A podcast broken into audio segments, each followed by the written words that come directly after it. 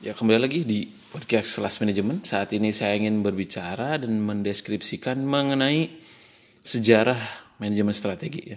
Berbicara mengenai manajemen strategi merupakan salah satu hal yang cukup penting di program studi manajemen.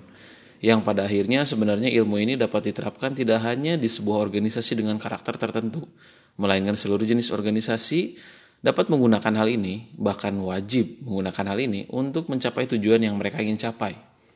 Berdasarkan sejarah, manajemen strategi sudah lahir sejak zaman kuno.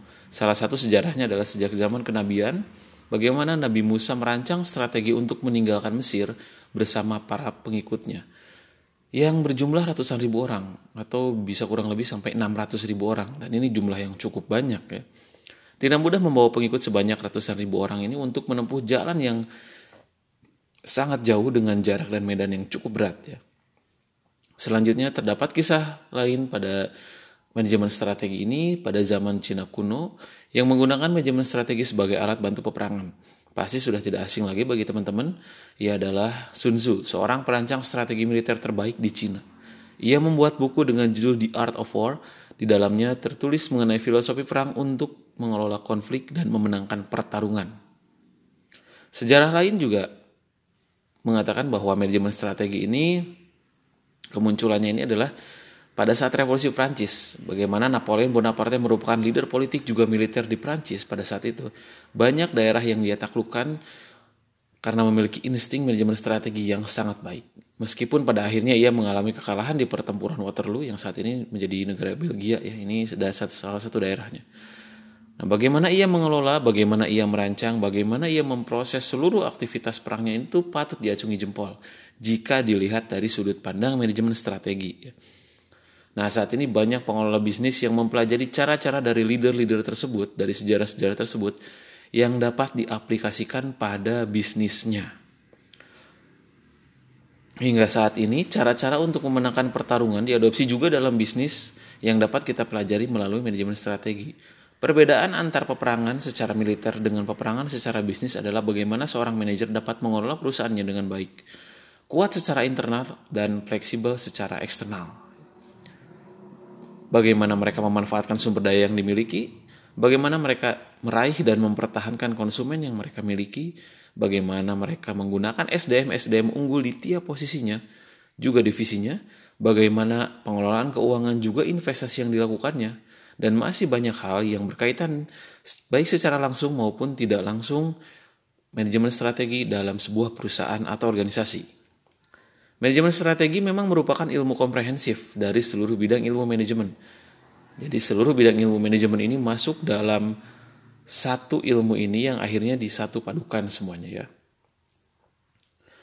Ilmu ini menjelaskan mengenai bagaimana sebuah organisasi beroperasi secara seimbang dari seluruh perspektif Meskipun tidak sedikit orang yang gagal paham akan proses manajemen strategi, hal itu sangat wajar karena terkadang hal-hal yang kecil ini jarang terpikirkan atau jarang terlihat juga jarang terbayangkan oleh orang lain.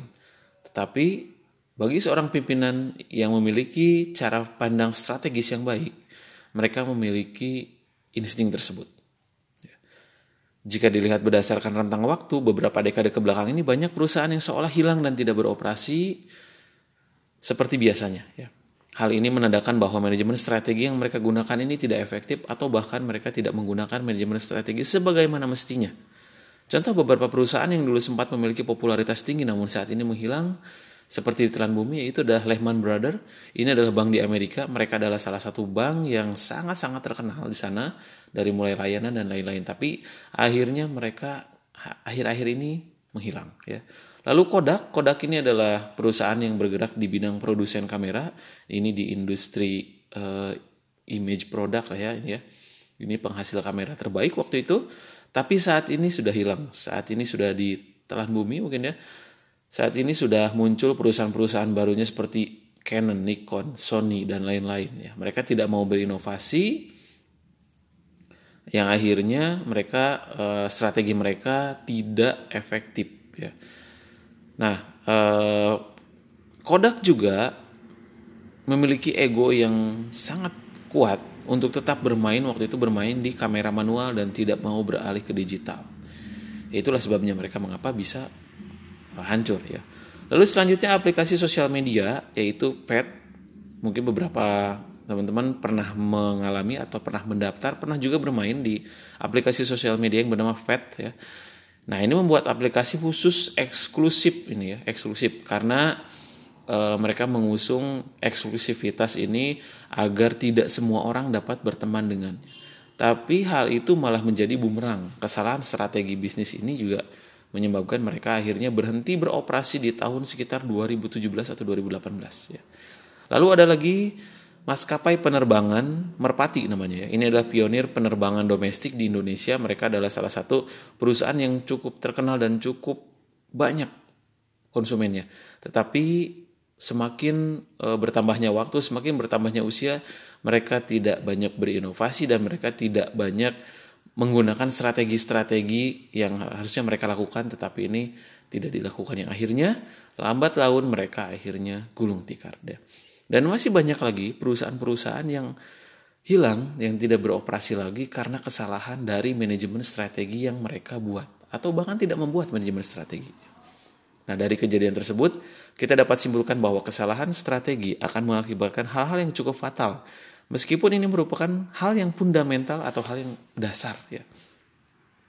Dan inilah seninya sebuah manajemen strategi A dalam perusahaan A bisa sesuai, tetapi ada kemungkinan strategi A dalam perusahaan B akan berbeda cara pelaksanaannya atau prosesnya. Masing-masing organisasi memiliki permasalahannya sendiri. Maka dari itu, hadirlah manajemen strategi sebagai sebuah seni bagi seorang praktisi. Dan sebagai uh, akademisi, kita mendapatkan banyak teori-teori ini yang bisa dibangun dan yang akhirnya kita dapat gunakan sebagai referensi jika kita nanti menjadi seorang direksi atau direktur atau pimpinan atau juga mungkin seorang entrepreneur, seorang business owner, itu bisa kita terapkan. Karena strategi ini sangat luas dan memiliki tiga tingkatan, yaitu strategi paling bawah ini adalah fungsional, yang tengahnya adalah unit bisnis dan yang paling tinggi adalah parental. Nah ini adalah manajemen strategi. Selamat datang di perkuliahan manajemen strategi. Nanti kita akan membahas hal-hal lain selanjutnya. Setelah sejarah ini kita akan bahas hal-hal lain yang lebih detail di dalam manajemen strategi. Terima kasih, sampai jumpa di podcast selanjutnya.